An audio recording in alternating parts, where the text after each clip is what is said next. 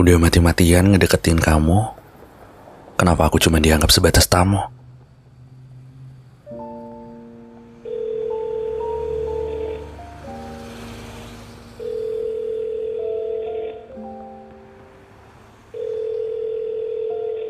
Kamu ke mana sih?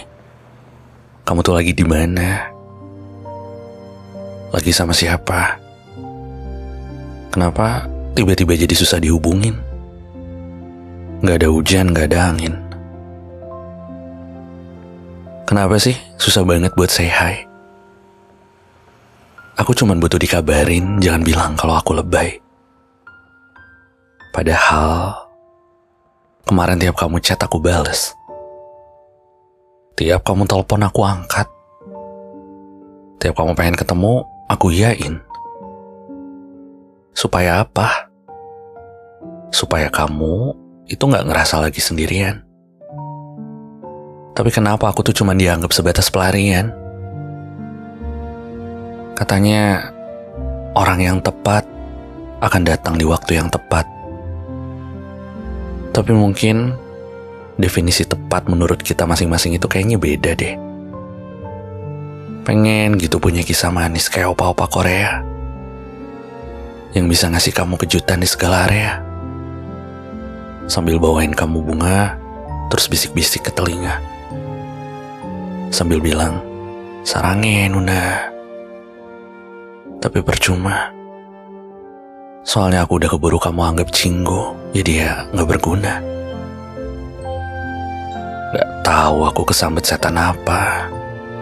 Tapi bisa-bisanya kemarin aku mikir, kalau aku sama kamu itu adalah dua karakter utama di sebuah episode yang kaya akan cerita. Sutradaranya Tuhan, penulis naskahnya itu takdir, dan kita berdua jadi bintangnya. Aku nggak peduli drama yang lagi kita jalanin itu nggak menarik di matanya para penonton. Aku sih bodoh amat kalau nantinya kisah kita itu kurang mencolok di jiwanya para pemirsa. Aku nggak apa-apa. Asalkan gambar yang tayang di layarnya itu cuma ada aku dan kamu. Itu juga udah cukup kok. Tapi belum juga beres season 1. Aku udah keburu tahu kalau eksistensi aku itu gak lebih sebatas pemeran cameo di hidup kamu. Dan pada akhirnya,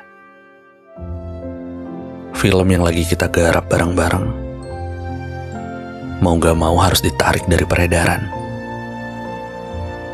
Gagal dapat hak siar karena nasib pemeran laki-lakinya itu terlalu menjijikan buat dilanjutin. Anjing banget dunia. Gini amat ya rasanya teraniaya. Ngeri juga ya jatuh cinta di negeri Wakanda.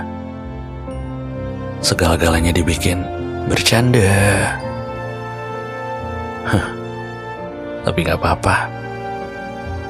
Kumapta semesta kendati harapan tak sesuai rencana.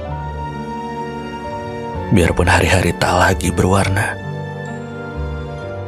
walau sering diterpa bencana, aku akan tetap kencana.